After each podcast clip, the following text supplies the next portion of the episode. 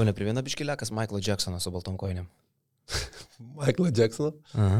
Šiaip jis toks uh, vikru, vikrus kaip Michaelas Jacksonas. Dabar kas, Ne juodas, nei baltas. Prieš operacijos. kas negirdėjo, tai Lekas dar dabar ką tik padarė ir Michaelo Jacksono legendinį į. Jo, sveiki vyrukai, nuotaikos ne pačios geriausios, e, pralu, kaip čia, laimėjom, bet pralaimėjom lyderį. Tai, toks, ir, toks ir podcastas turbūt šiandien bus. Verksim, dainuosim dainas kitą kartą. Laimėjom, bet pralaimėjom lyderį, štai taip. Nu, Šiaip, ką tik NFL e įvyko ten tokia situacija, kad e, nepasakysiu pavardės, nes tikrai atsiprašau, nepas, ne, neatsimenu, bet e, Išsigalvok ją. vykstant, vykstant rungtynėms e, patyrė traumą, sukniubo, tiesiog prarado sąmonę vienas iš žaidėjų. Ir ten pakankamai sudėtinga, ten prasta situacija buvo, jį staigiai išvežė į ligoninę, atgaivino, jisai, jisai prabudo. Ir jo pirmas, nu gal ne pirmas, bet vienas pirmųjų klausimų gydytojams sako, laimėjom, atsiminęs, kad dar jisai žaidė. jo, jo. Gydytojai jiems sako, tu laimėjai kovą su gyvenimu ką tik. Eik tu savo. Nu, Aš tai dar pagalvojau, kad vakar Žalgirio pasirodymas su Fenerbakčia, tokį vat šiandien išvedžiau palyginimą, galima bandyti lyginti su maratonininku arba futbolininku, kuriam lūšta koja, bet jisai iš to adrenalino kartais ne tik tai, kad užbaigia rungtynės, bet dar ir kokį gal įvartį įspiria ar labai greitai atbėga. Nes e, iš to šoko po Evanso traumos pirmą minutę atrodo, kad Žalgiris taip užsipumpavo, aš galvojau, va dabar tai šakės, va dabar tai jie pirmiausiai save psichologiškai susijęs. Bet taip užsipumpavo, kad jie pasibaigė mačas ir tada jau turbūt tik atsisėdė rūbinė, aš taip įsivaizduoju, nusiraminę šiek tiek. Blecha, o dabar apie Evansą pasikalbam, jaučiu. Suvokė tą, kas atsitiko. Tas matėsi, iki galo turbūt jau tik žaidėjai- pasibaigus rungtynėms. žaidėjai tik išėjo iš aikštelės, nu, tos erdvės, ne, kur perina į, į koridorių. Ir tik tai koridoriui matėsi, jie tarpusavį pradėjo klausinėti Minogo Kvedaro komandos vadovo, kas Evansui buvo ir Kvedaras rodo aišku tą, rodo, kad puf, nebėra, žinai. Ir tik tai va tam koridoriukė, nuo, einant nuo aikštelės iki rūbinės, tik tai ten mat Hebra klausinėjo, kas tiksliai buvo. Tai galima spėti, kad iki tol nestengėsi to klausimo net nelies. Tu esi įsijautęs į rungtynės, supranti, kad tavo bičias krito ir jisai šiandien tikrai nebegrįš ir įtarė visi, kad ilgam negrįž, bet turbūt net tu nesigilini, nei per ilgąją pertrauką ten per nelik stengiasi savęs neapkrauti, nes tu būni rungtynėse. Tai sakau, man buvo tas daug sakantis epizodas, kur po rungtynių, va, tam koridoriukė, ten, va, Hebra klausinėjosi, kas, kaip, kodėl, tokios ir toks, nei tai džiaugtis per nelik, nei tai labai liūdėti, nes, nu, kaip yra, kaip yra, gyvens žmogus, viskas gerai, žinai, bet aišku, labai liūdna, kad uh, ilgam jisai dabar autų. Man atrodo, kad pats Evansas tai jisai iš, vos ne iš karto suprato arba nujautė, kad atsitiko kažkas labai blogo, nes kai jisai atsisėdo ant atsarginių suolo, iš karto aišku rodė jį, pritraukė į jo veidą, tai ten buvo toks gilus liudesys, tokia neviltis akise, kad tu jau iš jo veido galėjai suprasti, kad jisai pats kažką tai blogo nujaučia.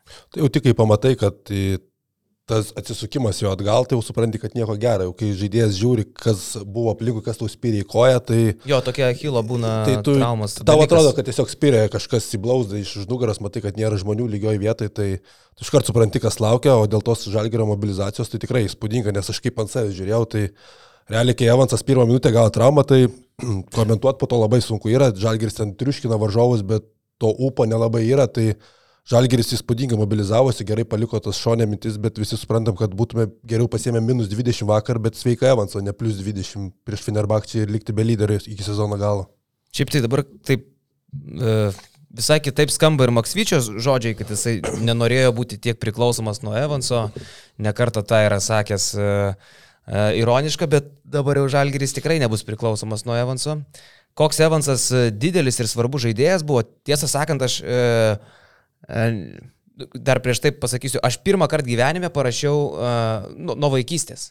Ne, nesu niekada rašęs nepažįstamam žaidėjui kokios nors žinutės. Tai aš Evansų šiandien net nusinčiau video uh, žinutę, kad laikytųsi, kad aš su tavim, kad mes su tavim ir tau ačiū už viską. Va toksai kažkoks uh, paveiktas buvau. Reiškia, o, o apie Evansą ir Žalgirį, nu tai, žinai, jeigu jau trinkieri buvo pradėjęs kalbėti garsiai viešai apie Žalgirio top 8, Maikas Džeimsas nuo sezono pradžios iki pat dabar dainuoja dainas Evansui, tai tu supranti, kad tiek su šitu žmogum, tiek pats šitas žmogus Žalgiriui šitą sezoną buvo daugiau negu tik tai šiaip savo legionierius. Nes e, mes jau jį pradėjom su Taju, su Edni lyginti ir sakėm, oi, vyrai, biški nusiraminam, ką mes čia sakom, žinai, kaip ir šventvagiška apie Dievą Edni kalbėti ir maždaug paprasta mirtingai lyginti su Dievu, ne? Bet mes jau buvom pradėję tai daryti šį sezoną. Tai va toks e, Evansas buvo ir man labai gaila, kad mes neturim galimybės ir nebeturėsim, šį, bent jau šį sezoną, e, pasižiūrėti, kur buvo Kinano Evanso lubos nes e, tai, kaip jisai žaidė, dar neaišku, ar tai buvo jo lubos. Jau atrodė neprilikstamai, bet tai buvo tik tai pirmojo rato pabaiga. Mes nežinom, koks jis dar galbūt galėjo būti ir kaip jisai toli galėjo žalgirį vesti. Tai va čia labai apmaudu, bet kartai, žinai, gyvenime sako, va yra per gerai, kad tai būtų tiesa. Nu, va, negali taip viskas būti gerai. Tai va čia kažkas iš tos kategorijos, kur tipo, uh, nu, per geras jisai buvo, žalgeris per stiprus, toks jausmas, kad, žinai, nu, vad per gerai viskas vyksta, kad kažkas turėjo tokio atsitikti. Tai labai gaila, Bet kad aš, tai dar kartą pasitvirtino. Aš, žinai. aš vakar pagalvojau apie tą patį, ar čia nėra toks mūsų irgi lietuviškas bruožas, žinai. Yra. Na taigi vis tiek jo. ateis rusas ir mus paims, na, ble. Nu, žinai, yra, yra, toks, žinai, yra šitas, ja. Taip, taip ir čia, va, toks, žinai, nu. Taip, taip. Kita vertus, nu, va, čia va ir bandėm kažką prisiminti panašią istoriją, kad uh, Žalgirio koks žaidėjas būtų gavęs traumą, ar ne? Tai, tai keliavom iki pat turbūt Sabonio 85-4, kada ten jisai savo Hilą nustraukė irgi penktais. Jo, tai žiūrint iš tos prizmės, kad sezonė galėjo pasiekti komandą, bet sezono metu praranda tokio, tokio stiliaus, tokio lygio žaidėją, tai turbūt nu, nebuvo nuo Sabonio laikų, kad to, tokios svarbos žaidėją prarastų žalgeris iki sezono pabaigos ir tai tiek daug reikštų galutiniams rezultatams. Nežinom, kaip bus, bet nu, nereikia apsimetinėti. Nu, be Evanso visai kita komanda. Čia dabar 9-8 džiaugiamės, bet jeigu be Evanso, tai tu keisk nekeitęs, vis tiek nu, nebus gero rezultato. Netkiu, kad taip galima sausio mėnesį ir taip Europos rinkai yra labai siaura žaidėjų, vasaromis treneriai verkia, kad nu, sunku kažką surasti, o čia dar surasti tokiu metu, tai nu, ir tokio lygio, kad jis taptų lyderiu, nu, yra neįmanoma. Aš manau, kad Paulius jau praskambinės bent keliam agentam, bent vieną kitą jau meškerį užmetęs, nes čia labai greitai reikia. Labai labai greitai veikti reikia. Augustas Šuliauskas parašė straipsnį, e, kuriame akcentuoja, kad sausio 9 užsidaro Eurolygos žaidėjų e, perėjimai. Tai yra už... Tarp Eurolygos komandų. Tarp Eurolygos komandų, tai yra už trijų dienų. Tai... Iš tų žaidėjų nelabai kas yra, kas Eurolygoje būtų ir keistus. Tai vienintelis Tayloras paleistas Anadol FS, bet nu čia nesprendėjas, čia tiesiog eilinis žaidėjas, kuris kažko labai nepakeistų. Tai žalgiriui faktas, kad reikia papildymo, nes čia mes nekalbam ne tik apie Eurolygą, čia tu be Kinono Evanso Lietuvoje turėsi problemų, nes Evansas pusė komandos buvo. Tai vienas dalykas nesprendėjas, bet kita vertus, jok žaidėjas nesprendėjas.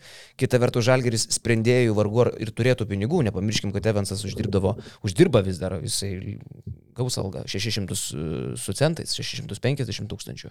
Tai, nu, tai yra daug pinigų Žalgeris kitam, tie, niekam tiek mokėti daugiau negalės. Tai bet net tiek sprendėjų net ir neįpirktų. Nu, liko pusę sezono, nu, tai kiek tai gali būti 200 tūkstančių, 300 tūkstančių. Na, vis tiek kalba apie 60 tūkstančių per mėnesį, kiek Evansas uždirba, žinai. Bet nebūtinai žiūrint, ką trauks, aišku, bet užsiminė apie Šuliausko tekstą, jis ten išvardijo ir tris pavardės, čia BM pliusams skirtas tekstas.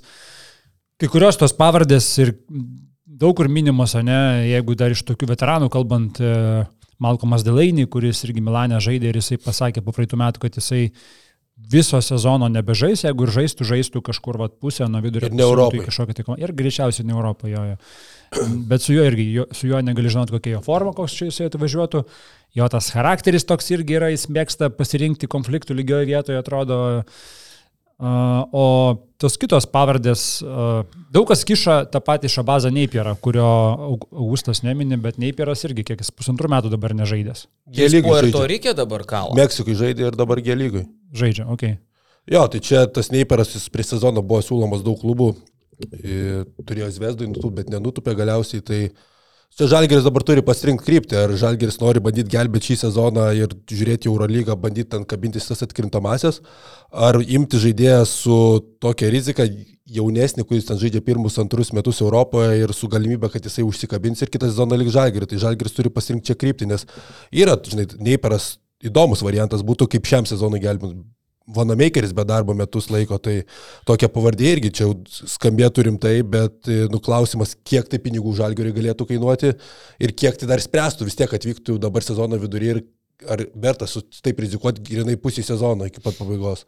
Nes turi turėti omeny, čia mes irgi dar prieš savaitę, e, prieš naujus metus, kur turėjom savo podcastą, dėliojom, kaip ten buvo tas su su Evansu ar lik žalgirė. A, aš vieną sakiau ne, tai aš jau čia pralaimėjau šitą.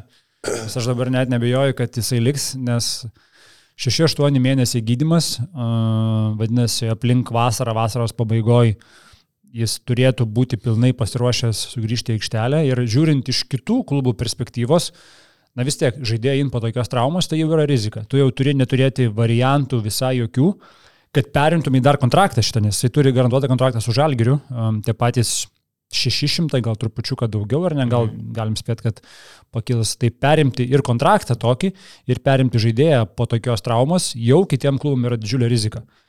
Ir tuo pačiu yra rizika žalgiriui pasitikėti ir tikėti, kad Evansas kitą sezoną bus toks pat geras kaip šiemet. Ir statyti vėl ant jo tiek daug kitiem metam, man čia irgi būtų rizika. Ta prasme, tu jo lauki, tu jo tikėsi, kad jis sugrįžtų, jam linki viso ko geriausio bet ant jo vėl tek daug statyti ir neturėti šalia jo antro pajėgaus žaidėjo. Čia irgi, vat, kaip Jonas minėjo, yra mąstymas žalgerio, ar jie, ar jie dabar ima kažką laikinai pasibaigti sezoną, ar jie ima kažką su mintim, kad kitais metais tas kažkas gal net ir pabūtų kurį laiką pirmas žaidėjas, kol Evansas sugrįš į kažkokią tai formą. Tai čia tokių yra variantų. Vienas iš Augusto uh, Variantų paminėtas e, Trentas Fraseris, dabar Belgrado FMP žaidžiantis gynėjas, e, su Balinsko komandos draugas. Metras 8-5, jam tai yra pirmas sezonas Europoje, bet jisai Adrijos lygoje beleką daro. Kem 5, matau, čia. Kem, kem 5, ką tik įmetė barui dar va, už vakar, ne, už, už vakar Podgoricui 31, įmetė Zvezdai 27, atakuojantis toks įžaidėjas. Pirmi metai Europoje, kas daugam yra mm, rizika. Bet tai vėlgi, kaip ta žalgirė žiūrėtų, ar, ar, ar tokį žaidėją irgi Aišku, čia tik tai yra sapalionės ir spėlionės ir tos kitos pavardės, kurios yra išvardintos, yra tų komandų lyderiai. Ir reikia suprasti, kad irgi nėra taip, kad Žalgiris paskambina, paleiskit savo geriausią žaidėją. Mhm. Jo, be abejo, gerai, mes palaidojam savo metus, žinai. tai dar reikia suprasti, kad kitos komandos tikrai nepuls čia Žalgiriui ant kelių ir atdavinė savo geriausių žaidėjų. Bet tai yra irgi vienas iš variantų, kur galbūt šiokia tokia, ne, ne šiokia didžiulė rizika, bet su galimybė jį pasiauginti kitam sezonui ir kitais metais turėti e, tam tikrą pagalbę, jeigu Evansui prireiks laiko įsibėgėti į, į savo buvusią formą. Jo, šiaip. Iš daugiau tų pavardžių, daug kas tą patį Eriką Makolomą mini, bet tai yra daugiau atakuojantis gynėjas negu, negu žaidėjas. Ir vėlgi ten ištraukti iš Turkijos, ar taip jau būtų lengva. Mūdį laisvas. Klausimas. Mūdį laisvas. Mūdį laisvas. Blogiausia, kad tai Websteris ką tik pasirašė. Blecha, būtų galima jį parsivežti, bet vat, ką tik pasirašė ten su Australais kažkur ten. Jo, grįžo gaila iš Europos parvarė. Tai. No. Man iš to Šuliausko sąrašiuko taip pat tikimiausiai skamba Kailas Olmanas. Prasme, aš jį atsimenu ir kai jis žaidė VF, ten rytą daužė. E, dabar aš jau kurį laiką jo nemačiau, bet aišku, jisai nesuprastėjo, patirties tik tai daugiau gavo Europos krepšinį. Prieš sezoną buvo kaip tik Kalmantas kandidatas. Žalgerio kandidato, ne? Jo, ir Rūgis neblogas, aišku, jis toksai siautikas yra, kaip ir Šuliauskas rašo, na, rizikingas variantas, klysta. Man patiko Šuliausko viena vieta, kad e, su Olmanu uh, Taip, amerikiečio talentas nenuginčiamas, bet su, su juo tai greičiausiai būtų šokis tarp meilės ir mirties. Vieną nuostabų epizodą lydėtų prastas, po kurio beliktų kratyti galvas. nu, tai taip, Olmanas yra siautikas, bet uh, reikia kūno. Čia iš tikrųjų turbūt net e, nereikia sapalioti apie tai, kad mes pakeisim kažko Evansą. Evansas yra nepakeičiamas, taip jau tiesiog gavosi, bet reikia kūno. Reikia kažko, kas e, palaikytų žalgiriui apskritai gyvybę toje pozicijoje. Ne, tai šis... ačiū Dievui, kad Lekavičius vakar grįžęs buvo jau. Įsivaizduok, jeigu dar Lekavičius būtų šią savaitę nelošęs. Tai dabar jau apskritai grįžę esame tą situaciją į praeito sezono, kada Lekavičius yra pagrindinis žaidėjas, didžiausias krūvis jam tenka, kol nėra jokio papildymo.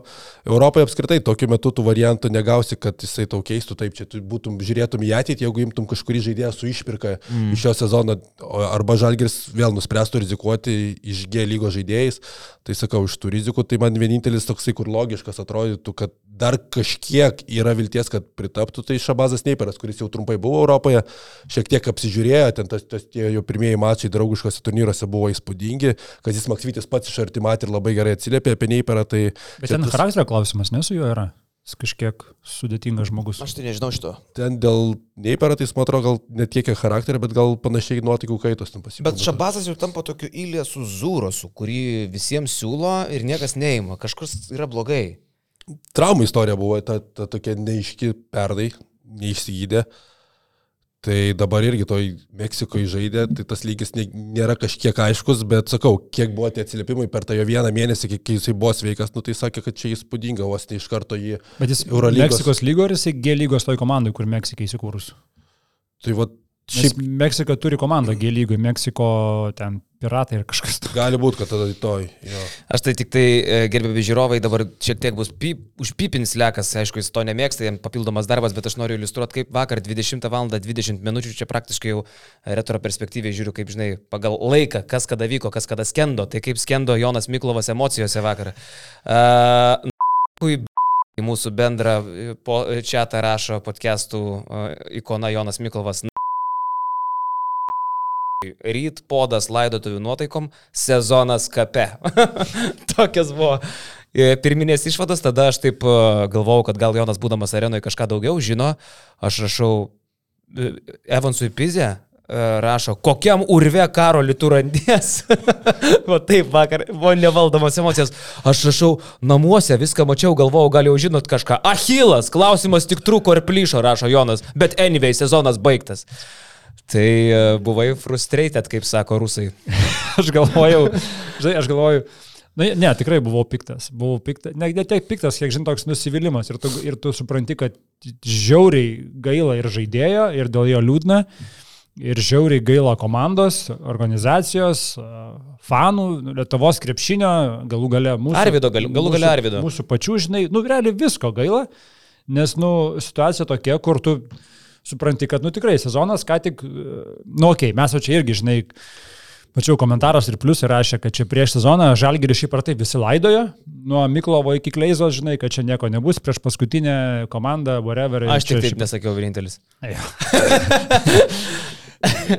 jo, ir, ir dabar, žinai, kai jau turim viršytus lūkesčius, uh, vėl, žinai, kalbėsim, kad vėl nieko nėra, bet čia vis tiek.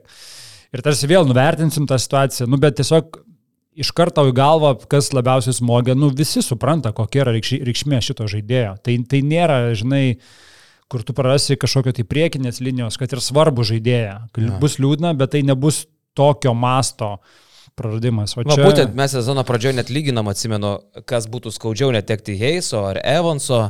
E, ir tuo metu buvo toks argumentas e, Lekšo, man atrodo, kad e, iš esmės beveik vienodai svarbu, nes e, tuo metu Heisas buvo gynybos cementas, tokio aišku ir liko, Evansas polimo cementas, bet vis dėlto dedant ant svarstyklių, nu, mes turbūt suprantam, faktas. kad šiai minutiai po to, ką mes matėm per 17, iš esmės 16 rungtynių, nes Evansas 17 nesužaidė, Evansas ant tų svarstyklių yra nu, tiesiog viską nusveriantis akmuo. E, Ir, ir čia yra žiauriau negu žiauru. Aš mačiau, kiek daug žmonių Eurolygoje, kiek daug klubų, kiek daug e, krepšininkų, netgi Justinas Dentmonas iš kažkur tai prabūdęs, atsiradęs, nusėmęs kaldrą nuo veido, staiga, hei, Evans ten palinkėjo jam stiprybės savo Instagrame. Tai e, šokiruotas iš tikrųjų e, Europos krepšinis yra. E, Klubai rašo, Makabis, Olimpijakosas, e, Monakas, e, žinutės pati Eurolyga, mačiau, pasišerino irgi Žalgirio e, Instagramo postą, e, įrašą, kad e, tokia vat, situacija Evanso neturim ir visą kitką. Tai Fuh. Ne, apskritai tai Lietuvos Naujų metų krepšinis. pradžia, kaip sako Jonas Miklovas, pacituosiu redaktorių, na, iš tikrųjų yra. Taip. Pizdėts yra jo. Šiaip liet... Net legas nuo kėdės nuvirta.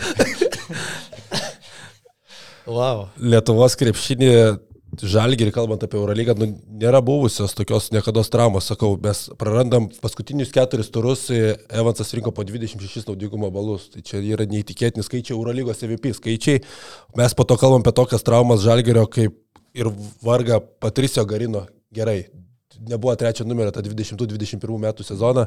Trečio numerio trūko, galbūt Žalgeris su trečiu numeriu būtų patekęs į tas, tuos atkrintamąsius, kur ten pritrūko gal dviejų pergalių. Po to 19-20 metų sezoną užbaigė Marijos Grigonio traumą, kai pėdai kažkas atsitiko ir jis nežaidė iki pat pandemijos, prasidėjo pandemija ir taip ir baigėsi Žalgeris sezonas, net ir be Grigonio. Žalgeris buvo tame aštuonete daugiau, tai Darišas Lavrinovičius trečių, ketvirtų sezonė nugaros trauma mhm. ir buvo Kalidas Elaminas e, ryte 10-11, aš galvoju, kad jisai patyrė dar Eurolygos sezono viduryje traumą, bet tai buvo paskutinės ryto rungtynės Eurolygoje top 16 su Vitorija, jie pralaimėjo ir nepateko į ketvirtfinalį. Tai va tokios tik tais traumos per visą istoriją klubinė. Eleminas ten kaip pašautas krito irgi. Jeigu, pamenu. jeigu jau primeni ryto, tai tas pas Kreimeris, kur irgi Eurocapo playoffas. Su Valen. Valencija. kai ten irgi kaukė, jis ten nusitraukė raiščius, ne keliu. Ja. Tai, nu, irgi toks. Bet šiaip uh, įdomu, kaip vakar viskas susiklostė greitai įvykus tai traumai. Iš esmės, kad Achilas trūko, pats Evansas pajuto, tai yra pakankamai lengva, tu atsisėdė ant suolo, tu suėmi uh, 3 cm virš kulno ir tu matai, kad ten nieko nėra. Mes už, užčiuopiam savo Achilą bet kada, žinai, ir tu čia užčiuopi ir tu matai, kad nebėra ko užčiuopti. Tai iš esmės jisai pats savo, aš manau, nustatė diagnozę labai greitai. Čia yra dalykas, kurį krepšininkai žino, bet greitai viskas buvo išspręsta ir kas, kas iš tikrųjų ir mus nustebino vakar BM pliusų grupiai, vienas iš mūsų pliusų, kai parašė postą, kad jau išoperuotas Evansas. Toks buvo kaip 11 val. vakaro, vad žmogus gavo informaciją, pasidalijo, aplenkė visus, aplenkė mediją, aplenkė patį Žalgerį, kuris irgi paskelbė po kokių 20 minučių. Rimtautas Gudas, kokiu greičiu turėjo atsidurti klinikoje. Jo, tai įdomu tai, kad Gudas buvo klinikoje, jisai dirbo. Jis dirbo tą vakarą, ta diena, tas vakaras buvo, kada jisai darbavosi.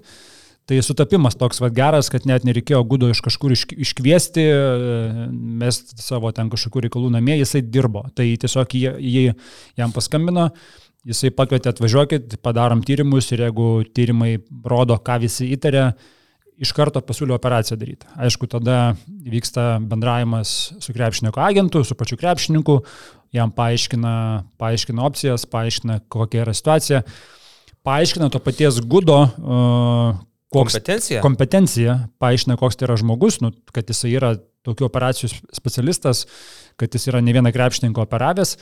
Kitas dalykas, Achilo operacija jinai nėra sudėtinga kažkokia tai mediciniškai. Tikrai. Vitkus amžinatelis jis sakė, kad pakankamai. Tai žinai, tais gal, laikais. tais aišku. laikais 30 metų atgal. Bet jeigu, Taip. pavyzdžiui, lyginti su, su kelio raiščiais, ne? kelio raiščiais, tu niekad nežinai, ką tu rasi atidaręs kelią. Tu gali rasti raištį įtrūkusi, gali rasti nutrūkusi, gali rasti šitą e, meniską įtrūkusi, mhm. gali rasti priekinį, gali rasti kryžminį. Nu, ten, viskas buvo, kai atidarė. tai va, va, Jo, nes tai tu, tu tik atidaręs pamatai, blauzdos, blauzdikulis išėjęs iš šono. dar. pamatai realų, realų blogį, kiek tai yra blogai ir tu žinai, negali prognozuoti. Ir tada tau gali ir ta operacija trukti ten ne, ne, ne valandą, o žymiai ilgiau, jeigu reikės viską tvarkyti absoliučiai. O čia padarius tyrimus iš karto buvo aišku, kad nutrūko ir tada yra du, du variantai. Arba operuojam kaip įmanoma greičiau, nes irgi yra tokia, toks mąstymas gydytojų, kad kuo tu ilgiau lauki, tuo ir tas achilas ir ta blauzda, jie po biškį atitola vienas nuo kito. Ta vieta, kuri nutrūko, jinai ati- atitoldinėja. Ir da tarsi operuojant, kuo tu ilgiau pralauki, tu turi paskui pritempinėti jį vieną prie kito. O kai trauma įvykus ką tik, ką tik, dar, dar tas, tas trūkis nėra toksai platus, dar tas tarpukas nėra platus, kad reiktų labai pritempinėti. Mhm. Tai iš esmės, sako, mąstymas yra toksai, kad arba tu operuoji iš karto, arba net lauki paskui kokias dvi savaitės, kol tie raumenys ten susiguli mhm. ir kai jau ten jau yra pakankamai vėl saugu. Aš čia tikiuosi, kad aš čia žiauriai, ne, aš manau, kad medikų uh, žargonų čia aš labai uh, lievai skambu, bet aš bandau Koks būtiškai... Rimtesnis medikas dabar užgalvoja. Yeah. Jėzus, eik, tu baig, tu baig. Bet aš bandau būtiškai perpasakoti, kas man buvo pasakojama, jo. Tai ir ma- mąstymas toks jo, kad operuojam kuo greičiau ir tas, tas teoriškai turėtų uh, būti geriau paskui gydimo procese, nes ne, nereikia labai stipriai pritempinėti e, tų sausgislių. Operacija pati yra neilga, pusę valandos, uh, atidariai, sutraukiai, susiuvai tą sausgislę, uždariai ir, ir palieki ją gydytis. Tai tai va, tai sakau, gana labai įd- įd- įdomių su- su- su- sutapimų dėka. Gudas tuo metu pats buvo gyjos klinikoje ir galėjo viską operatyviai išspręsti. Gudas nemetė žmogaus, kurį tuo metu operavo, kai atvažiavo. Nu, dabar jau, dabar jau man čia dzin. Nu, žinai, Hipokrato priesaika yra aukščiau visko, tai aš manau, kad ten tikrai yra viskas labai etiškai. Nepriskambintum, jeigu operuoja. Gudui. Ne, Nu, ir blem, jisai profas, žinau, ką žinau, gali. Štai, taip operuot kažką tai mikiro, ar negali? Gali. Bet šiaip man tai įspūdinga, koks ramus Evansas po tos traumos ir kokį pozityvą skleidžia socialiniuose tinkluose, nusifotografuoja, rodo nykštį į viršų, Dievas turi planą ir žiūri pozityviai į tą ateitį. Tai sakau, iš tų pozityvų, kaip Jonas jau minėjo, kad Evansas kitą zoną tikrai liks žalgerį, tai aš irgi praktiškai nebejoju, čia labiau daugiau net iš žalgerio pusės didesnė rizika pasilikti už tokį atlyginimą lyderį po tokios traumos, negu kad Evansui likti komandoje ir kažko dar ieškoti kitur. Tai, bet ir Bet žinai, vieną grįžta Arvidui po tokios traumos, kur vis tiek mažiau judėti reikėjo, kitą mažylių. Tai va čia sakau, čia yra- darbas bus svarbus labai. Čia žalgiriui tikrai yra toksai pavojų, pavojus, bet irgi kitas pozityvas, kad nu, nutrūko ne kairė, kuri yra pagrindinė jo koja, o dešinys Achilas, ne nuo jos atsispiria, verždamas į stiprią pusę. Tai čia irgi menkas pozityvas yra. Jo. Ir galima prisiminti įvairių tų krepšininkų, kurie ir, nu, NBA pavyzdžius įmant uh, ryškiausių žaidėjai. Kevinui Durantui trūkęs Achilas buvo Kobe pačioj karjeros pabaigoje irgi trūko Achilas, Klei Thompsonui po raiščių, kita trauma buvo Achilas.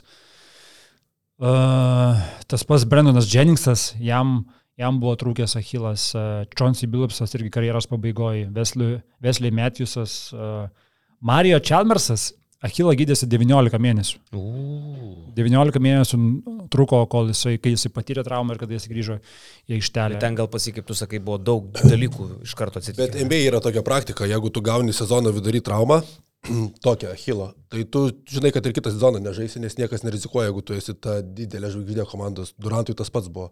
Durantas gavo finale. Finale ir visą ir kitą visą kitą sezoną jisai tiesiog praleido. Jo, tai Džervis, atsiminkim, pernai ryte Džervis gavo irgi Achilo traumą, bet jisai po penkių mėnesių grįžo, kas nu- nustebino daug, kad taip greitai. Bet gal jam neplyšo visiškai. Vat neprisimenu. Jam nebuvo visiškai nuplyšęs jo. Paskui mašiną sudaužė dar. Nežinau, ar tai susiję, ar prieš tai. Jisai? Ne, Džervis sudaužė. Ai, palauk, tas kitas tenai. Tas pridurkas. Ne, bet tu šiandien geros formos. Tu čia neblogai apšmeižiai žmogų. Ne, Džeris, palauk, o kas sudaužė mašiną? Tas, kurį išvarė po to į, į pietų Koreją. gal. Tas pridurkas. jo, tai, Palauk, tikrai, kas ten toksai buvo? Nu, nesvarbu. jo, tai čia taip skaičiuojant, jeigu 6-8 mėnesiai, tai iš esmės kito sezono pradžioje turėtų būti viskas gerai. Žaidėjas gali grįžti. Jo. Uh, šiaip, uh, žiūrint į žalgeriuką, nu ką, uh, lauksim papildymo, manau, kad jisai bus greitai. Tu, dabar turbūt jau apie tą aukštą ūgį niekas nebegalvoja. Čia žinai, kaip iš gero gyvenimo būna prisis, prisi, ir taip jau gerai gyveni, ir tada, ai, dar gal reikia nusipirkti spintą antrą. žinai, na, vat, na, vat. Trečio teliko reikia nupirkti. Trečio teliko. Į, į virtuvę. Jo, tai vat, taip, va čia buvo Dešaun Tomas, Akilė Polonara, dabar jau, kai realiai, kaip sakyti, tėvas be darbo liko, tai... jau, Teliko tikrai nereikia. dabar jau tik tiesiog duok mums... Tu ten duok garsą kitam kambarį, aš čia virtuviai girdėsiu. Žinai, kas toks buvo? Kristas Makalau, legendinis. Ryto Makalmas. Makalau. Kalau. Makalau. Aš nebeatsimenu tokio. Ai, Makalau. Ai, tai jisai sudaužė viską ten, ne? Gerai. Um, tai žiūrint į pozityvius dalykus, e, nu, Laurinas Birutis mane vakar tiesiog šokiravo, aš nežinau. Uh, Aš manau, kad e, netgi e, Įtūdis kalbėdamas spaudos konferenciją sakė, nesupraskite manęs neteisingai, aš gerbiu Birutį, bet kodėl jisai prieš mus padaro karjeros rekordą, aš neįsivaizduoju, žinai, Jo ten- mūsų jo problema yra. Ir skaičiai, tu Džamaros buvo, s- sako, septynis kartus ant bloko žaidė, kaip prieš tai per visą sezoną keturis kartus. Ta prasme, aš nežinau, ar jis tikrai turi tokią tikslę statistiką, bet jeigu Manau, jis, kad turi. jeigu jis ant tiek pasiruošęs ir jis- jeigu jis tikrai šitos skaičius žino, Tai daug ir apie įtūdį pasako, kaip e, treneriai, kuris pasiruošė. Man tai patiko įtūdžia dar konfrontacija su turkų žurnalistų spaudos konferencijai, kai jo paklausė, uh, coach, can you ten uh, explain, talk about rumors, that kažkokios Guard rumors, rotation, gandai, ten, e, rotation. Sako, aš apie jūs girdėjau gandų, kažkokį tai, ko jūs vartote, kažką tai. Aš apie jūs, va, irgi girdėjau gandų, jūs komentuosit? Nu, nekomentuosit. Bet grįžtam prie biurų. Įtūdis dar palyginus jau čia buvo nusiraminęs, nes jisai, kai davė intervą postgame, atėjęs Anitelika, kur turi ateiti, ten Tai ten buvo pirmas sveikinimai Žalgirių jie laimėjo, dar perklausė rytis, o tai kas čia jums nesuveikė, nepavyko, viskas nepavyko išėjo. Tai Štai nebejoju, jeigu būtų, kai paklausiau vardą ir būtų pasakęs, kad čia lietuvis, o klausiu, tai būtų labiau auditūdis davęs. Kai turkas, tai dar kai su juo reikės dirbti, visą sezoną jis biškai nusiramino ir ramiau atsakė. Bet, bet... Ir išeidamas tam turkų ranką paspaudė, jo. man irgi linktelio, penkių, žinai, už klausimą, toks, nu, tipo, bet įtūdis jis toks, Išverstas kūris, ne? Trupučiu. Bet e, patiko man jo tas tiesmukas, kad man gėda dėl šito pasirodymo. Disrespectful naudoja žodį, nepagarba, prieš fanus turim 300 tūkstančių fanų, visą kitką. Nu, kandžios, kaip 30 kandžios, milijonų, Maras. 30 milijonų, sakai? Ja. Ai, nu, aš ne, aišku, kad ne tūkstančių. Bet kandžioja savo tuos fanus, savo tą bazę, savo žaidėjus, tiksliau, savo tą visą kolektyvą, kuris atrodė tikrai gėdingai, bet prie to, nu, va, tokie kaip Birutis, kaip Dimša, kaip Brasdeikis, pavyzdžiui, Brasdeikis toks įspūdis, kad e, Evanso išėjimas jį motivavo ir gal net tokią baimę nuėmė, jis tiesiog gal kompleks, kaip čia, nebeliko jokių kompleksų, žinai, kai nebėra... Nu, jis tapo pirmą opciją polime iš karto. Nu, ir, ir... Bet viena būti opcija, o kita dar ir tą atlikti darbą, tos, išnaudoti to, to savo pranašumus. Tai toks, net ir tas trajekėlis jo su tokiu pasitikėjimu išvystiltas kažkoks. Užkūrė į Vilbekiną pastatė, pirmos dvi atakos paėjo, pasijautė gerai, Evanso nėra, suprato, kad čia mano laikas dabar. Tai nužiūrėsim, kaip bus su Brazdeikiu, nes dabar natūraliai įsigaunasi, kol nėra kažkokio atvykimo, tai jis yra numeris vienas opcija palime, talentingiausias žaidėjas, tai per jį žymiai daugiau suksis viskas palime žalgerio. Dimšanė kokį primėtė vakar irgi fantastika. Dėl Dimšos tai iš viso, atsimenu dar, kai čia pastaruosius kelis sezonus vis gindau Dimšą, ten kalbėdavom ir pasakiau, kad Dimšas šiuo metu tikrai yra geresnis už Dovydą Gedraitį, tai visi man sukioja pirštus prie Spilkinio, tai nudimša. Galvoju, Tiesiog rankų pirštus. Gal, gal ir taip sakioja. Rovė nagus su replė. Labai keista aplinka tau. Ne, ne, prie smilkinę tik sakioja. Dar iki šito nedėjom. Bet šiaip dimša. Jūs degina kažkodėl lekšui, paskolų lekas atėjęs, jau suprantate. sorry, lekšui. Ne, tai viskas gerai, užbaigit. Pasikalbėkit. ne, ne, sorry, tesk. Nu, tai sakau, smagu dėl Dimšos, man Blembas žaidžia, tai užtikrintai, visi ten nurašinėjo, du sezonus laukia to savo šanso sulaukė ir kai jį gauna, nu, tai vakar 4-31 po stebeko, kaip pats Vilbekinas patapęs Dimšą, tai nu wow. Man Dimšo dabar jau pasiekinėja tą lygį, kurį turėjo Milaknis, kai atrodo kiekvienas metimas Milaknio būdavo, kur tu tikiesi, kad jisai kris. Ta prasme, nėra, žinai, kad tu galvoji, kaip šiaip tu čia turi kristi. Turi kristi. Jo, jo, tai, tai yra tas jausmas. Jo, tai man tas pats artėja su Dimša. Gal net jau ir atėjo tas pats su Dimša, kur kiekvienas jo išsimetimas net sudėtingi stebekai, net tas per metrą nuo trajeko, kuris paleidžia, čia turi kristi. Jau tau tas toks įtikėjimas, kad čia yra geras metimas. Ir jo, tikrai didžiausias turbūt šviesulys, labiausiai nustebinęs žaidėjas, jeigu vertinant, ko tu tikėjai iš jo prieš sezoną ir kaip jis dabar čia atrodo. Pabūk e, žurnalistas, aš pabūsiu Šileris, paklausk, ar matau Dimšą komandai Žalgrio. Treneri Tomas Dimša turi ilgalaikį kontraktą su Žalgiriu. Uh, Pernai buvo skolinamas, koks jo planas šiais metais. E, paklausk, ar matau komandą. Ar matote Tomą komandoje? No. Sakydavo, kad mato, bet, bet nerasdavo laiko. Tai vakar Vidas Mačiulis. Absurdas. Vakar Vidas Mačiulis, Jonas Kalvino Dimšą, ten geras intervas. Ir Vidas Mačiulis ateina į intervą. Tomas Dimšas sako, vidai biškai palaukiam, čia pabaigsiu. Ne, ne, Jonas sako, viskas gerai. Tai sako, tai atrado tave pagaliau treneriai. Dimšas sako, gal aš labiau savo žaidimą atradau. Ne, sako, tave treneris atrado, kiti tavęs nematė. Čia Vidas. Ja. Ne? ne, tai Vidas pirmiausia pradėjo nuo sveikinimo su gimtadieniu Tomui. Vidury intervo nusprendė, kad reikia, šia, atėjo laikas pasveikinti. Bet gimtadienis buvo sausio antrą, vakar sausio penktą, bet aišku, nu, kad ir ne, nu, niekad nevėlų su gimtadieniu sveikinti, ne? Taip. Tai va, jo labidas turbūt irgi sausiukas, kaip ir aš sausiukas, mes tie sausiukai, suprantate, žinom vieni kitus, kas kada gimė. Čia va, Kleiza šventė ką tik ir Adas šventė ką tik, tai visi švenčia sausį gimtą. Tai va, ne. Įdomus intervas, šiaip tikrai vidas vidury, vidury intervo surengė savo trumpą šou. O labai nei tema būtų visoje tai Evanso nuotaikoje, jeigu vidas dar būtų atnešęs ir ten kokį šakotį, tortą, pradėjęs dainuot, bandęs užvedinėti visus žurnalistus, kad jie irgi atliktų su gimimo diena dimšai. Nebūtų labai tema, ne? Nebūtų, jo, turbūt jau. Visi su Jo, žiaurumą. Žiaurumą. Bet vakar atrodo, kad Žalgiris tarsi turi aikšteliai daugiau žmonių negu Fenerbakčia. Keli epizodai buvo, kur ten po 3-4 kartus tas kamuolys įmamas kartojami tie ne, metimai. Jeigu tai būtų NKL rungtynės, aš sakyčiau, kad Feneris pastatęs yra uh, už, už savo pralaimėjimą ar kažką. Jeigu tai būtų NKL, atrodytų kaip uh, fiksas. Ne, nu vakar atrodė, kad tiesiog šiauliai su, sumaišė aprangas ir atvažiavo į Žalgirio areną.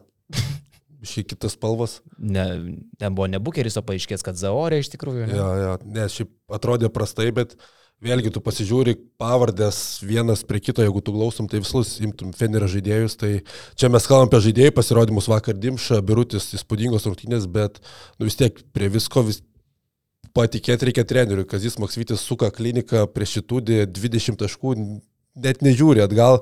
Tai nu neįtikėtina, iš tikrųjų 9-8 žalgeris su šitom pavardėm buvo Evansas, bet tai vis tiek prie Evanso pridėk visus kitus žaidėjus, nu tai čia Kazio Maksvyčio milžiniškas nuopelnas. Jo, jo, žiūri rungtynės, plus 25 žalgeris ir tu matai aikštelėje Birutis, Lukošiūnas Dimša ir vis tiek užsiemi už galvos ir pradedi galvoti, kad tai negali būti tiesa, tai negali vykti realiai Eurolygoje, bet tai vyksta. Tai va. Nu tai va, vakar tas yra buvo momentas, kai krepšinis kartais nėra net paaiškinamas. Tai tu man paaiškink birutį vis tiek. Kas čia jam, jisai pripratęs jau vis, dabar taip gali lošti stabiliai, kaip tu galvoji, Eurolygai?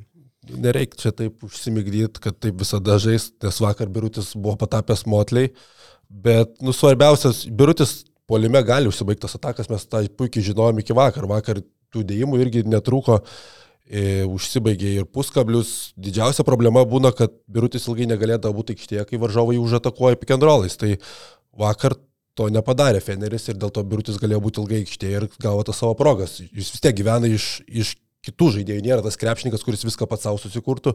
Vakar jam sukūrė ir vakaras nebuvo užatakuojamas. Tai jeigu bus daug tokių dienų daugiau, tai Birutis galės tokius skaičius, netokius kaip vakar, bet nu, tame lygyje pasilaikyti. Beje, dar vat, Kazį Maksvitį tu pagyri, aš pasakysiu dar vat, tokį dalyką, tai ta statistika, kuri buvo aktuali po e, dviejų, dviejų, trijų, keturių rungtynių, neliko aktuali ir iki šios dienos, Kazis Maksvitis išlieka aktyviausių Eurolygos trenerių. E, tiek pagal techninės pražangas, tai apie tai jau šnekama non-stop, bet tuo pat metu Kazis Maksvitis yra ir vis dar vienareikšmiai daugiausiai savo komandos sudėtimų rotuojantis treneris visoje Eurolygoje. Nėra jokio net arti trenerio pagal keitimų skaičių, kiek Kazis atliko per pirmą Eurolygos ratą. Ir aš dabar tokią tikslę statistiką pas Mykolas Tumbrą e, pasakysiu. Uh, 626 keitimus atliko Kazis Maksvitis per pirmą Eurolygos uh, ratą per 17 15 rungtynių, nėra jokios kitos komandos, kuri būtų atlikusi bent 570 keitimų.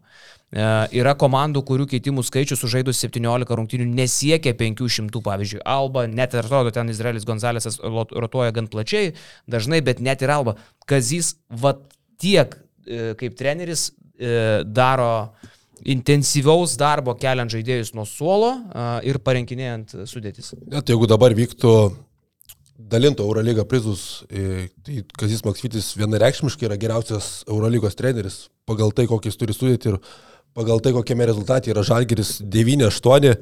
Anadol Efes šiandien gali tik pasivyti Eurolygos čempionas pagal pergalės Žalgerį, kur tu net nu, nelyginamos sudėtis. Tai uh, Žalgiriui iki pirmos vietos dabar skiria dvi pergalės. Tai Kazis Maksvitis šiuo metu yra geriausias Eurolygos treneris pagal rezultatą. Dar uh, statistikos, kurie apie Kazį sako. Kazis įsidrasino ir ima daugiau per traukėlių, dabar jau nebėra Kazis tas, kur sakytum, kad uh, tos taimautus kažkur tai tauposi bereikalingai, bet Man įdomesnė statistika yra, kad Žalgeris per visą Eurolygos ratą, per 17 rungtynių, gavo tik dvi nesportinės pražangas per visą Eurolygos ratą. Jau 10 Eurolygos rungtynių pailiui Žalgeris negauna nesportinių pražangų. Tai irgi rodo, E, o ginasi tai intensyviai, Žalgeris ir tarp penkių mažiausiai, tarp penkių mažiausiai taškų praleidžiančių Eurolygos komandų įpusėjus reguliariam sezonui. Tai nepaisant intensyvios gynybos, Žalgeris sugeba uh, būti ir toks brandus ginantis, uh, prasiženginėti protingai. Tai čia irgi aš sakyčiau, kad yra prie trenerių, ne vieno trenerio, bet prie trenerių nuopelnų. Uh, tai va, tai, ai dar kitko, toks visiškai nereikšmingas faktas, Žalgeris yra mažiausiai taškų per antrą kelnį praleidžianti Eurolygos komanda. Nežinau, kodėl taip yra, koks čia sutapimas, bet 17 taškų tai yra geriausias rezultatas Eurolygui to kelnio. Neturiu aš dabar čia tų statistikų, bet irgi vakar rungtynės Žalgeris atlieka 13 rezultatyvių perdavimų, suklysta 13 kartų, varžovai netgi daugiau rezultatyvių perdavimų atlieka, atkovoja daugiau polime kamolių, po, po vienodai. 13 kamolių palime atkovojo, ne, 18 kamolių atkovojo palime Fenerbakčia, Žalgiris 14, tai irgi mažiau atkovojo kamolių, bet Žalgiris kažkaip sugeba surinkti 100 naudingumo balų ir laimėti rungtynės ir apskritai Žalgiris vos po 14 rezultatyvų perdimų atlieka per mačą ir klysta po 13,6 karto, tai praktiškai klaidų rezultatyvų perdimų balansas lygus, bet Žalgiris turi 9 pergalės, tai čia yra sunkiai paaiškinami skaičiai. Jo. Ir tas, žinai, aš galvoju, reikia net kažkokio tai termino įvardinti tam antram žalgerio penketui, kai tu juos matai, bet čia labai gerąją prasme. Vakar, vakar Lukas šlėsėdė ir taip žiūriu, ten jie laksto, plus 20 daužo tie, tie visi, žinai, kurie europinių masų tos pavardės, nu tikrai nebūtų tokios skambios. Ir sakau, nu, čia yra kirstukų penket, čia yra kirstukų komanda šitą. Kirstukų tai kažkaškės tos tipo? Kirstukai. Ne, ne, kirstukai tokie yra gyvūnai, kirstukai, tai, A. tai čia, žinai, tokie laksto Mane kirstukai. Kirstukų vadino, jo, jo, tik. Kas? Nieko, viskas gerai. Ir tu matai, kad jie, jie eis ars keliais ten tą visą parketą, du tokie koviniai, kirstukiniai, kur atrodo, jeigu jie po vieną, tai jie, žinai, būtų niekam neipatingi ir neįdomus. Bet vad kažkaip, kai tie kirstukai būry visi būna ir ant tų žodžių Arnas Butkevičius tą trajeką ten per 2 metrus nuo linijos. Ai, tarp kitko, kai išpirė tą trajeką, mano, aš su čia pusėdėjau, e, jis dar dvi žingsnį daro, įmes trajeką, sakau, 100 procentų įmes. Skrenda, šnakšt. Žinai, iš kur? E, flashbackas įsirytę panašu yra Europos taurėje įmetę, ar čempionų lygai dabar e, dviejoju. ASG arenai, pamenė, ten irgi ja. baiginėjosi laikas prieš kažkokią rimtesnę komandą. Tai šį sezoną netokį sunku, bet kiek prieš Barsą. Ja. Jisai turi šitų vat, sudėtingų metimų, kaip koks nors uh, Pernai Lietkabelį Radičevičius lošė. Šiaip tai ne, nu, bet Radičevičius šiaip hujo, prastas žaidėjas yra, bet uh, metikas prastas. Bet Butkevičius tuo sudėtingus jis kažkaip jaučia, jam Jūs, kaifas mes. Čia jau tampa žalgiai kaip Serkio Julas, kur tu duodi paskutiniam sekundėm belė kokį išmesti ir tau žiūrėk arti tikslą arba trajekas. Jo, jo, jo, tai uh, fainai. Šiaip mes ką tik tą pavardę aptarėm prieš 20 pusvalandį, tai visiškas plėtkas, aš nežinau, ar kiek galima to tikėti ir netikėti, bet uh, sako, kad jau yra kalbama, kad Šabazas Neipiras atvyksta į Žalgirį. Tai čia būtų fantastiška Žalgirio reakcija, ta prasme, fantastiškas greitis. Fantastiškas darbas viso, viso džemų, viso, visos tos vadybos, nes taip surasti naujoką, tai tu vis tiek reiškia jau turi kalbėjęs su kažkuo, jeigu čia tai pasiteisintų, žinai, tai tu jau reiškia turėjai kitų variantų ir buvai numatęs, jeigu kas, kas būtų, jeigu būtų, jeigu Evansas gautų traumą.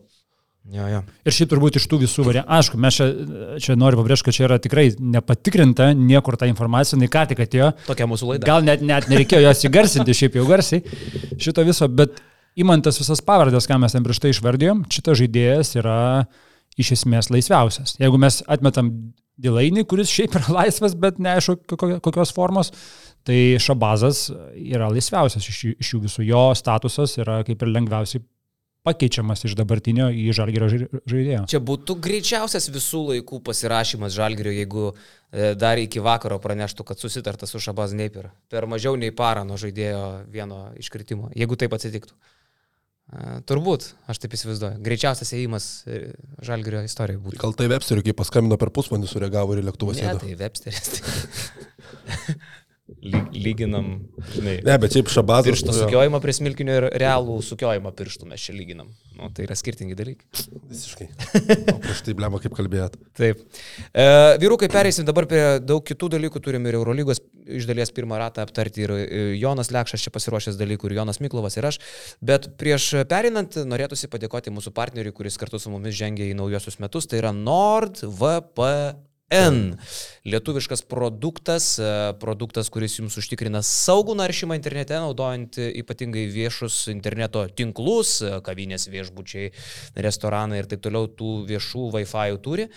E, saugus naršymas, duomenų saugojimas, ypatingai aktualu prisijungiant prie bankinės erdvės, kadangi šiais laikais vagišiai, kaip pavyzdžiui, Mindaugas Bertys, siautėja ir reikia tikrai labai atsargiai.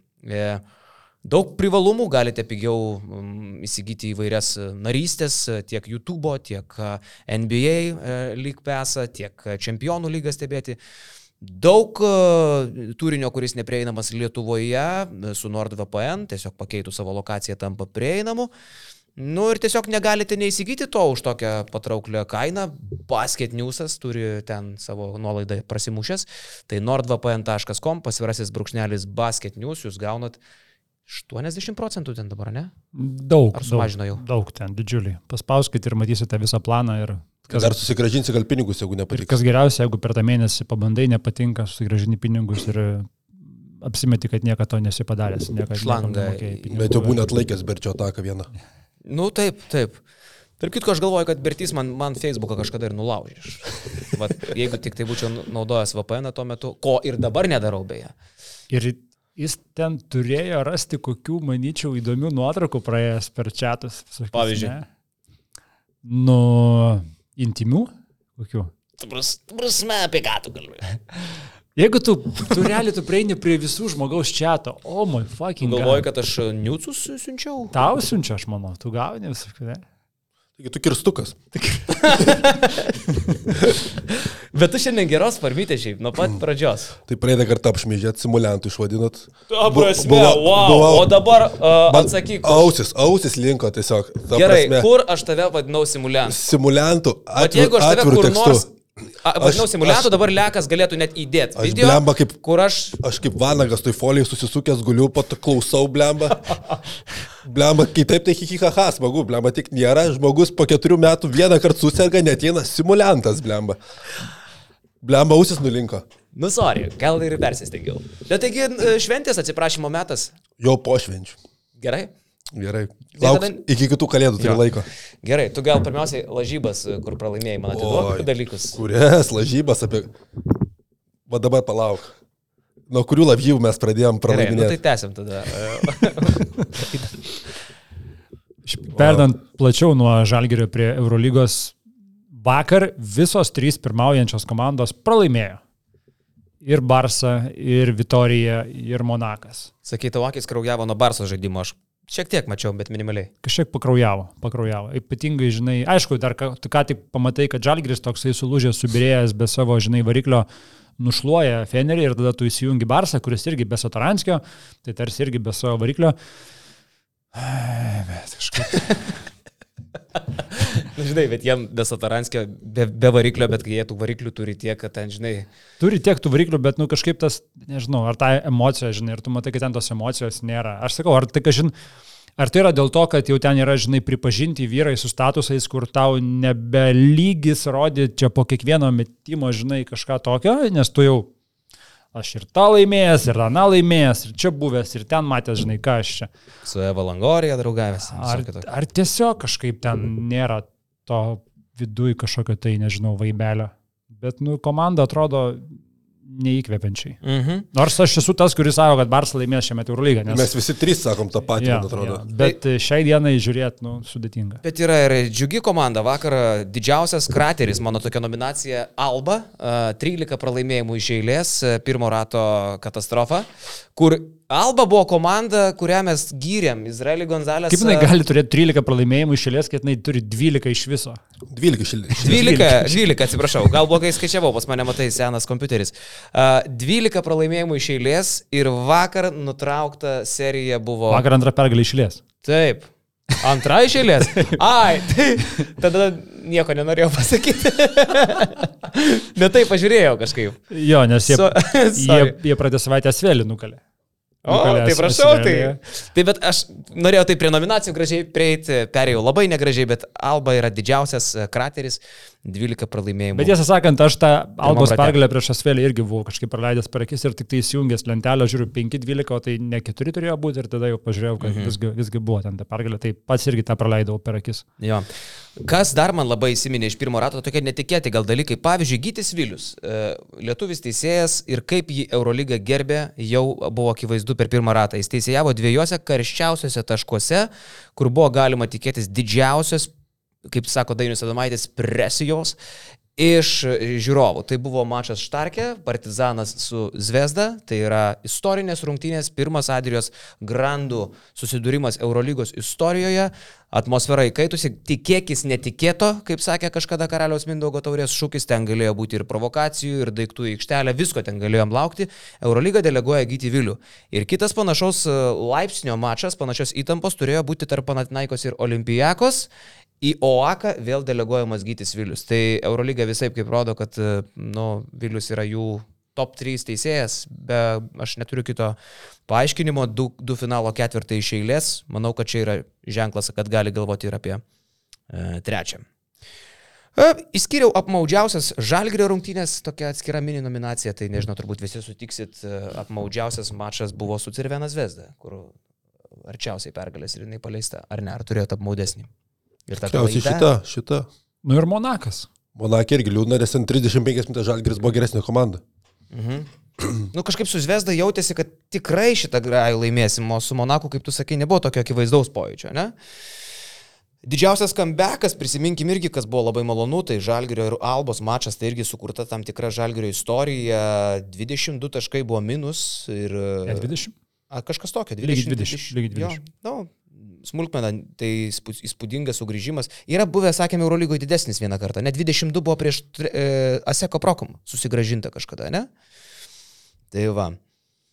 E, Įskyriau, aišku, didžiausias netikėtumas Baskonėje, didžiausias nusivylimas Emporijo Armani, čia jokių klausimų nėra.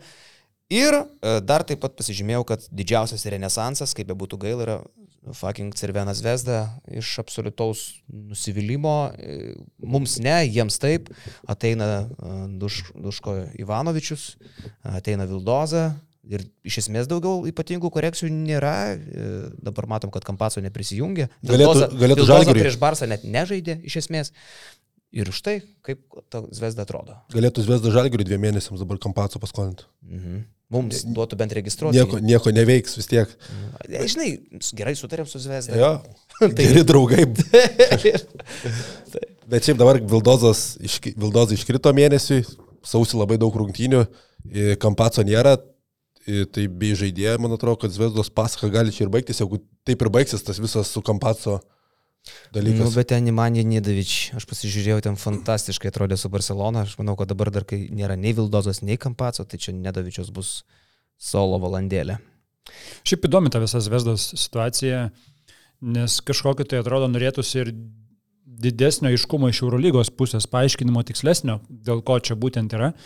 Nes kaip galima suprasti iš abiejų pusių paaiškinimo, tai uh, tie įsiskolinimai žaidėjams jie buvo panaikinti ir e, Zvezda dabar niekam nebėra skolinga iš žaidėjų pusės kalbant ir dabar tada galima įtarti, kad tiesiog ten kažkas kitkas nesueina, tas, kas turi sueiti pagal Eurolygos tos sąžiningo žaidimo taisyklės, pagal labai, finansų taisyklės. Tai va, labai nestebintų, kad pinigai neaiškus eina.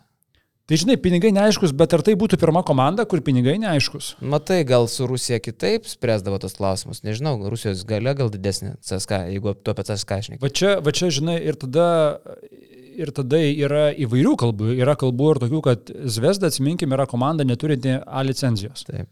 Tai vadinasi, jinai nėra viena iš tų 11, 11 banginių, ne dabar 13 banginių, kai prisijungė mm. dvi Asvelis ir, ir Bayernas. Tai nėra viena iš tų komandų ir tarsi tą komandą tu gali labiau paspausti, tu gali kažkiek tai labiau numušti. Ir aš negu, kad Realas labai supykęs, kad e, Zvezda pasiemė Kampaco, Realas labai pušino Eurolygą, būtent imtis šito Zvezdos klausimo ir va, dabar jau jų taip lengvai nepaleisti.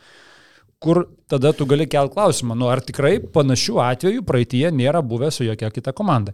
Ir to pačiu gali, gali kelti klausimą, jeigu jau taip griežtai yra įvertintas Viesda, ar dabar Eurolyga lygiai taip pat griežtai elgsis su visom kitom komandom, kurios panašiai pasielgs? Nes dabar tu negali, pademonstravęs vieną tokį atvejį, e, sukūręs tokį precedentą, tu nebegali prieš kitus užsimerkti, kur kiti kažką panašaus. Bet gal Bodiroga vykdo savo pažadų, žiūrėk, kai jį išrinko, kai išėjo Džordis, jisai pasakė, kad e, bus pokyčių, kad mes kitaip dirbsim, jis maždaug taip nebyliai pakritikavo Bodiro, uh, šitągi Džordį Bertomeu. Ir, nu, tu įsivaizduok, vis dėlto respektas Bodirogai, jeigu tai yra nors kiek nors jo sprendimas, nes jis yra serbas. Ir taip... Uh, nusakinčiau principingai elgtis Matai, Matai, Serbijos komandos atžvilgių, didžiulę pagarbą, na įsivaizduok, Ne pavyzdžiui, pats Paulius- Bodiroga priėmė šitą sprendimą. Bet jis galėtų padaryti įtaką. Yra nepriklausoma, nepriklausoma, nežinau kaip čia, grupė, panelė kažkokia, kuri, kurią sudaro irgi ten keli klubai, kaip suprantu, ir jie šitą sprendimą priema. Mhm. Ir dabar tik tai Glikmanas, būdamas uh, lygos CEO, jisai gali uh, atšaukti tą sprendimą. Jisai- Genadijus jis- Glikmanas, jisai- e, Maršalas Glikmanas. Jis turi tokią sprendimo teisę atšaukti. Bet jisai pagal tai, kaip jisai pats pakomentavo, nes Eurolyga iš karto tą, tą pranešimą išleido ir jisai sako, mes patys norim, kad tokia žvaigždė e, kaip Kampaco Eurolygoje žaistų, bet mes negalim užsimerkti prieš tuos pažeidimus, kurie buvo padaryti, tai tarsi jisai patvirtina, kad jisai nesiuošia nieko čia kaitalioti, kad yra priimtas sprendimas, kuris yra griežtas, bet teisingas jų, jų teigimu. Bet sakau, bet man čia tikrai tas toks klausimas kyla, tai Ar dabar tikrai visos komandos bus vertinamos lygiai taip pat vienodai, kaip buvo įvertintas Vesda? Ar A, A licencijos komandos lygiai taip pat uh, bus baudžiamas, jeigu jos taip nusi, nusižengs? Bet ten apskritai daug galų nesaina, nes e, kalbama, kad buvo pažydimai iš praėjusių sezonų ir iš šio yra kažkokie pažydimai, tai lapkričio 14 Duško Ivanovičius atvyksta į Belgradą, tai tuomet viską galėjai registruoti. Čia per mėnesį, po mėnesio atvažiuoja kampato, tu staiga nebegalėjai registruoti, tai tas draudimas buvo uždėtas už ką už Adamsas, kad išvyko sezono metu, su juo nebuvo skaityta, nes nu, man tai nesuina, gal kaip per mėnesį taip gali viskas pasikeisti, nes dabar jiems draudžiama tiek registruoti naujus trenerius, tiek ir žaidėjus. Nu, blemba, visur, kur pas, pakvimpa Rusija, visur pakvimpa ir kažkokiais tai nešvarumais. Kai komanda siūlo Kampacą už sezono pabaigą 1 800 000, o už kitą sezoną 2 milijonus 300 tūkstančių ir tai daro Zvezda, kuri žaidžia pelėsiais ir kerpėm apaugusiuose rūmose kažkokiuose. Tai Silpniausioji turbūt Eurolygos ekonomikoje paėmus visas šalis. Taip, Serbija. kada jie silpniausia. pradeda domėtis Polonarą, vaikšto gandai, kad jau jie čia toj pasirašys ir visą kitką, ir, ir kada jų komandoje Nedovičiai, Vildozos ir tikrai nepapigiai Duško Ivanovičius. Tai kyla antakiai ir kyla antakiai aukštai, čia kaip žinai, netikėtai praturtėja kokie nors e, buvę, nežinau, pareigūnai aukšto rango ar Seimo nariai, nu tu keli antakiai, iš kur pas tave tokie turtai, kaip čia tu staiga, va taip tiesiog, žinai. Bet žinai, manęs ten nustebintų, jeigu čia Eurolyga paskelbė, kad iki kovo neleidžia registruoti, po kiek laiko persigalvos, čia mes tų, tai pasikeitė valdžia, bet atsiminam per koroną, kai jį rašė techninius pralaimėjimus, po savaitės juos anuliavo kai kuriems, tai čia Eurolyga, jeigu atstovės ir liks prie tavo savo tos pozicijos paskelbtos, tai pagarba, bet nenustebintų manęs, jeigu būtų kitaip. Jo. Kokios jums rungtynės labiausiai įsiminė, ne žalgerio, va taip, nežiūrėjus, nieko nečekinus, tiesiog bam į galvą va, tą, tą mačą prisimenu. Turit? Aš čia prigavau gal biškius.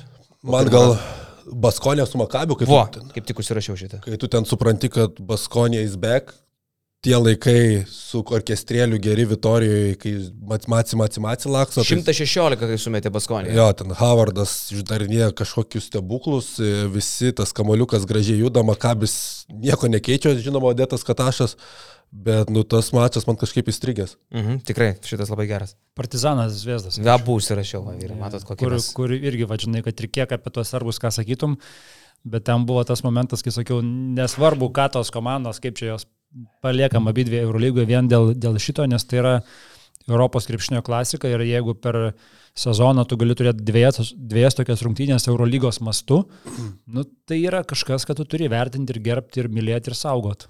Fantastiška telepatija moteris, nes, e, vat, minit tas pačias rungtynės, kur užsirašiau, vadinasi, tai yra du įsimintiniausi turo mačai. O, pažiūrėjau, gerai, kuriems komandai yra neįdomiausia žiūrėti. Pamatot, kad čia tas mačas ir net galvojat, nu, nelabai aš jų noriu žiūrėti. Virtus.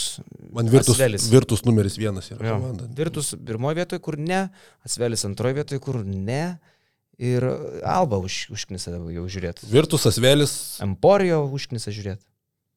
pavo dėčiau, bet kai atvyko Baconas, tai tą streetballą visai smagu dabar pasižiūrėti, nes nu ten atsivaro ir meta tiesiog Baconas. Kaip galima taip Eurolygos komandai jokios sistemos neturėti ir viską atiduoti, man irgi yra sunkiai suprantama. O tokia Valencija. Irgi, jo, Žiūrit pavyzdžiui. patenk, ne. Pamatai, viena, viena iš komandų Valencija tu kažkaip, mm, Dar kai Krisas Džonsas traumuotas, tai tai iš viso. Šiaip iš vis aš niekada nemėgau komandų, kur žaidžia Harperis, Webas ir RSTG kažkoks. Man niekada nepatikdavo tokias komandas. Okay. Fair point. ja. Šiaip uh, įpusėjus pirmajam ratui, jau dabar aišku, kad uh, pirmaujanti komanda, pirmaujančių komandų dabar yra trys, po šiandienos penktadienio rungtynių jų gali būti penkios. Jau penkios ką tik buvo prieš kelius turus, tai nebūtų nieko kažko naujo, kalbant apie šį sezoną. Bet kas naujo yra, kad įpusėjus Eurolygos sezonui dar niekada nebuvo tokio atvejo, kad e, pirmaujanti komanda būtų laimėjus mažiau negu 2 trečdalius rungtynių. 11 pergalių per 17 rungtynių yra 65 procentai beveik pergalių procentas. Okay. Ir ne tik, kad... Niekada nėra tai buvę. Ta prasme, e, skaičiuojant tą naują formatą Eurolygos, kai žaidžia visi su visais, žinai, kada mes galim visus palyginti. Tai, tai iki tol buvo tokie šeši sezonai. Tai ne tik tai, kad nebuvo nelaimėjusių dviejų iš trijų. Iki tol mažiausias pergalių procentas pirmaujančios komandos įpusėjus sezonui buvo 80. Uh. Vadinasi, keturias iš penkių laimėdavo pirmaujantį komandą pirmajame Eurolygos rate. Wow. Tai buvo Caskas, Feneris, Efesas, vėl Caskas ir pernai Barsa. Pernai Barsa buvo 15-2. Nežinau, ar čia visai tiksliai, nes dėl tų o, koronų ten būdavo nukeliamos rungtynės, paskui ten tą 15 turą žaisdavo 22 turė, bet skaičiuodavo kaip 15 turą, tai ten kažkiek tai galėjo pasimalti tie pernykščiai skaičiai. Bet iš esmės skaičiai tokie, kad 8 procentų bent būdavo laimėtų rungtynių pirmaujančios komandos. Šiemet turim situaciją, kur vačnekėjom, Žalgeris pridėk dvi pergalės būtų viena iš pirmaujančių komandų. Ne, bet seniai, aš neatsimenu ir tokios Eurolygos, kad šitiek outsiderių laimėtų prieš favoritus kiekvieną savaitę. Ta prasme, aš nežinau, čia lažybininkam šventė ar liūdėsys, kai taip yra. Šventė, šventė turbūt. Šventė. Aš manau, kad Gintaras Staniulis, ten, nežinau, Maldyvose Lapienis ir visi kiti tiesiog e, mojotus šaudo kiekvieną savaitę į viršų. Ketvirtadienis Eurolyga. Ta prasme, Visiškas džiaugsmas, nes tai yra wow. Taip, Tai yra wow. Uh, Valencijos nukala visokius ten Barcelonas, uh, Virtusai Barcelonas, Asveliai Barcelonas ir įsikrauna Barcelonai. Uh, Žalgiris nukala Realą, Barceloną irgi nukala, tai sakysim, neįtikėtina. Ir uh, kam pralaimė Nadolų, prieš ką laimė. Praknisa Baskonė lyderis, žiūrėk, pirma vieta, paskutiniai. Na, vakar be problemų, žinai. Tai, va čia yra tai, dėl ko Eurolyga yra wow šį sezoną.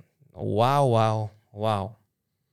Tai turbūt Wow. dėl tos vietos, kai būdavo, dabar mes kalbam, kad tuo pirmos iki ten, nežinau, kilintos vietos labai mažas pergalių skirtumas, nuo pirmos iki dvyliktos vietos trijų pergalių skirtumas.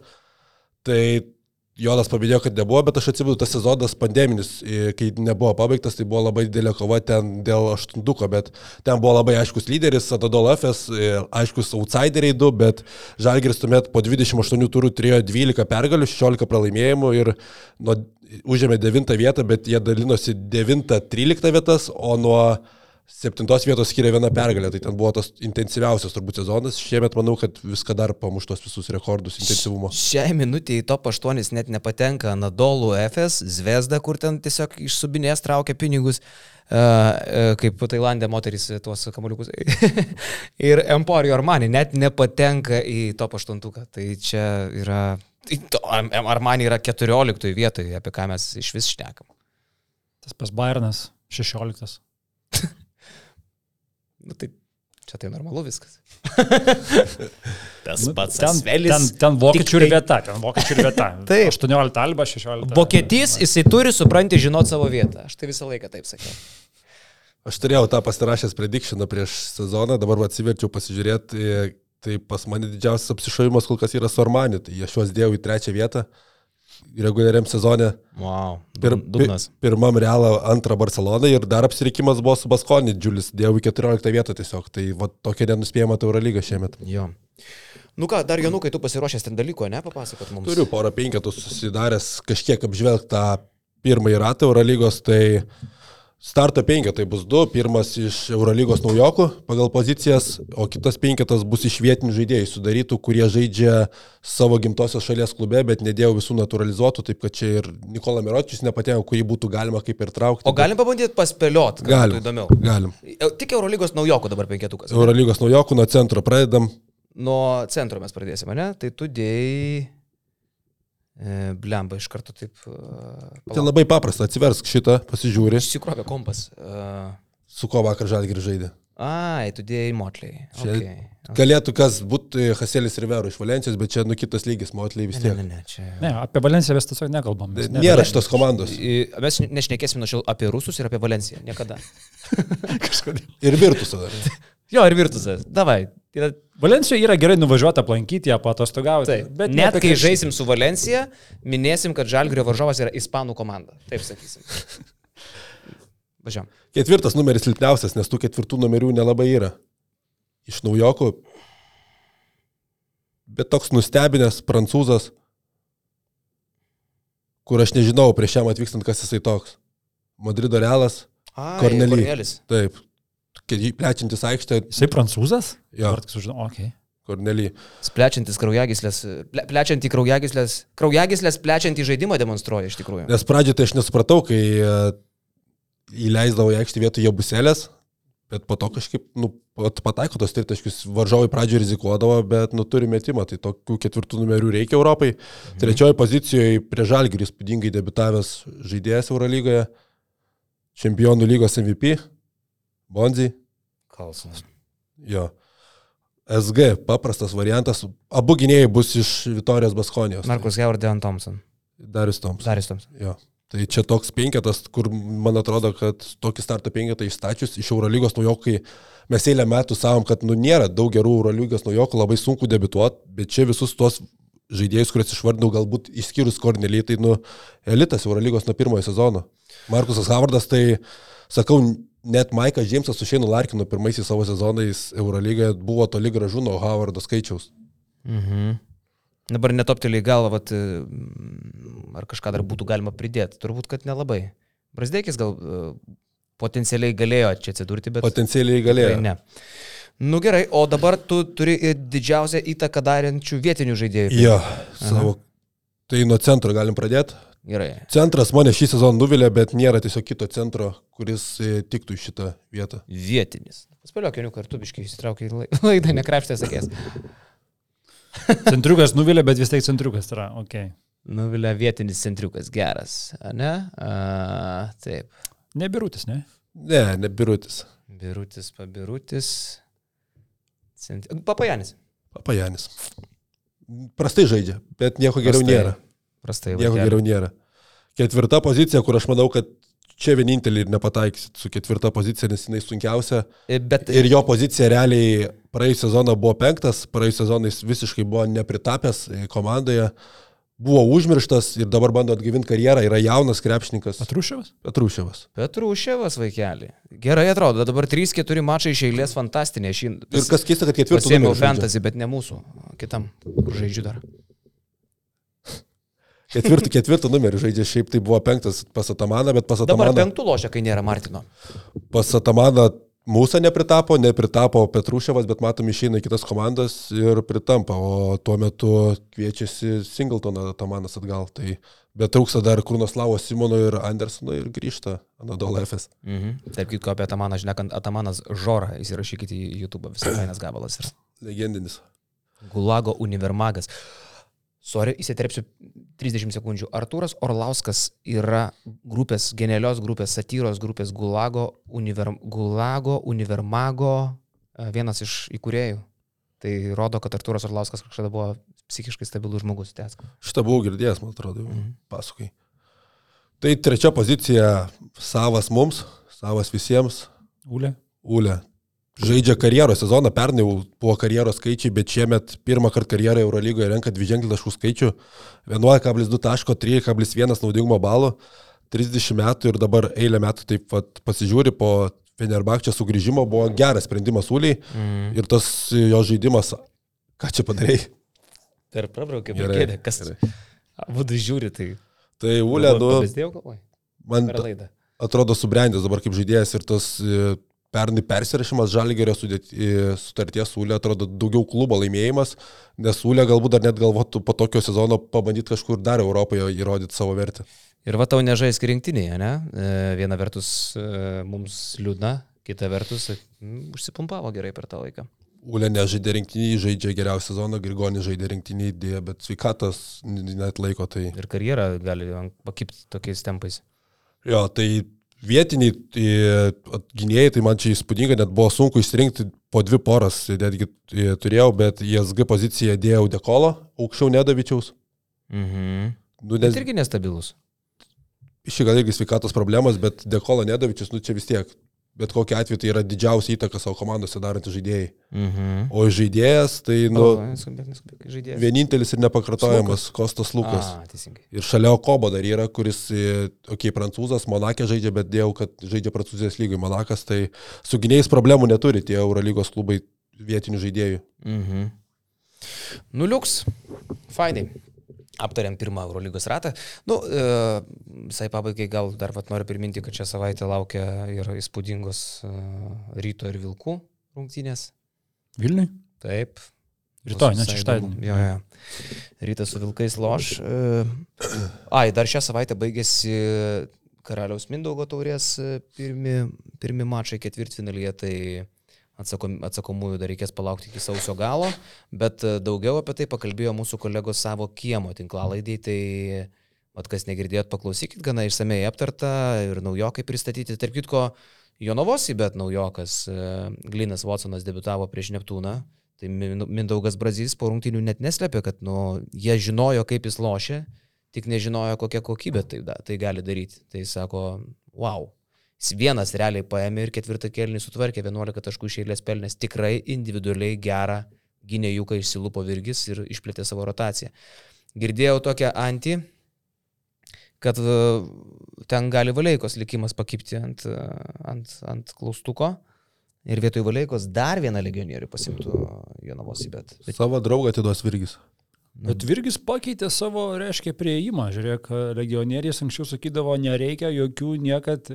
Pirmas Reikto barono. Vienė buvo, ne, pirmas estas, kur pasi komandai ir ar prienuose buvo pirmas ir sakė, čia net ne legionierius lietuviškai kalba, žinai. Aš labai noriu, kad mes dabar įdėtume labai trumpai minutės pertraukė iš LRT plus transliacijos minutės pertraukėlę kaip Virginijų Šeškus Goronui Huskičiui.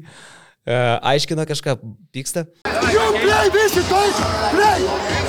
Pass here and come back, pass! Next He start dribbling and turn over the ball. But you pass and task is for play.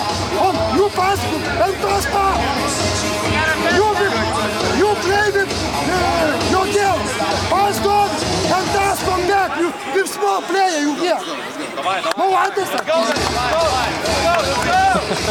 What do we do?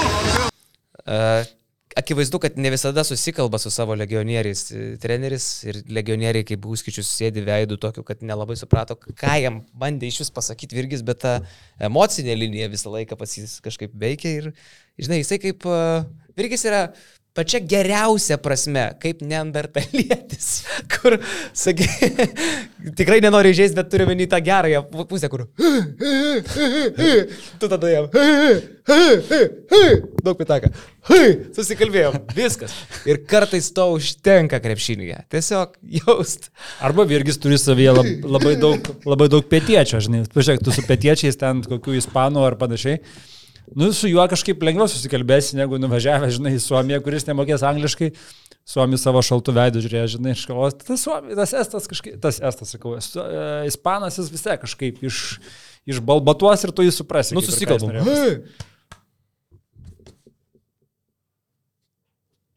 Viskas. Man tai žinai, ko gaila.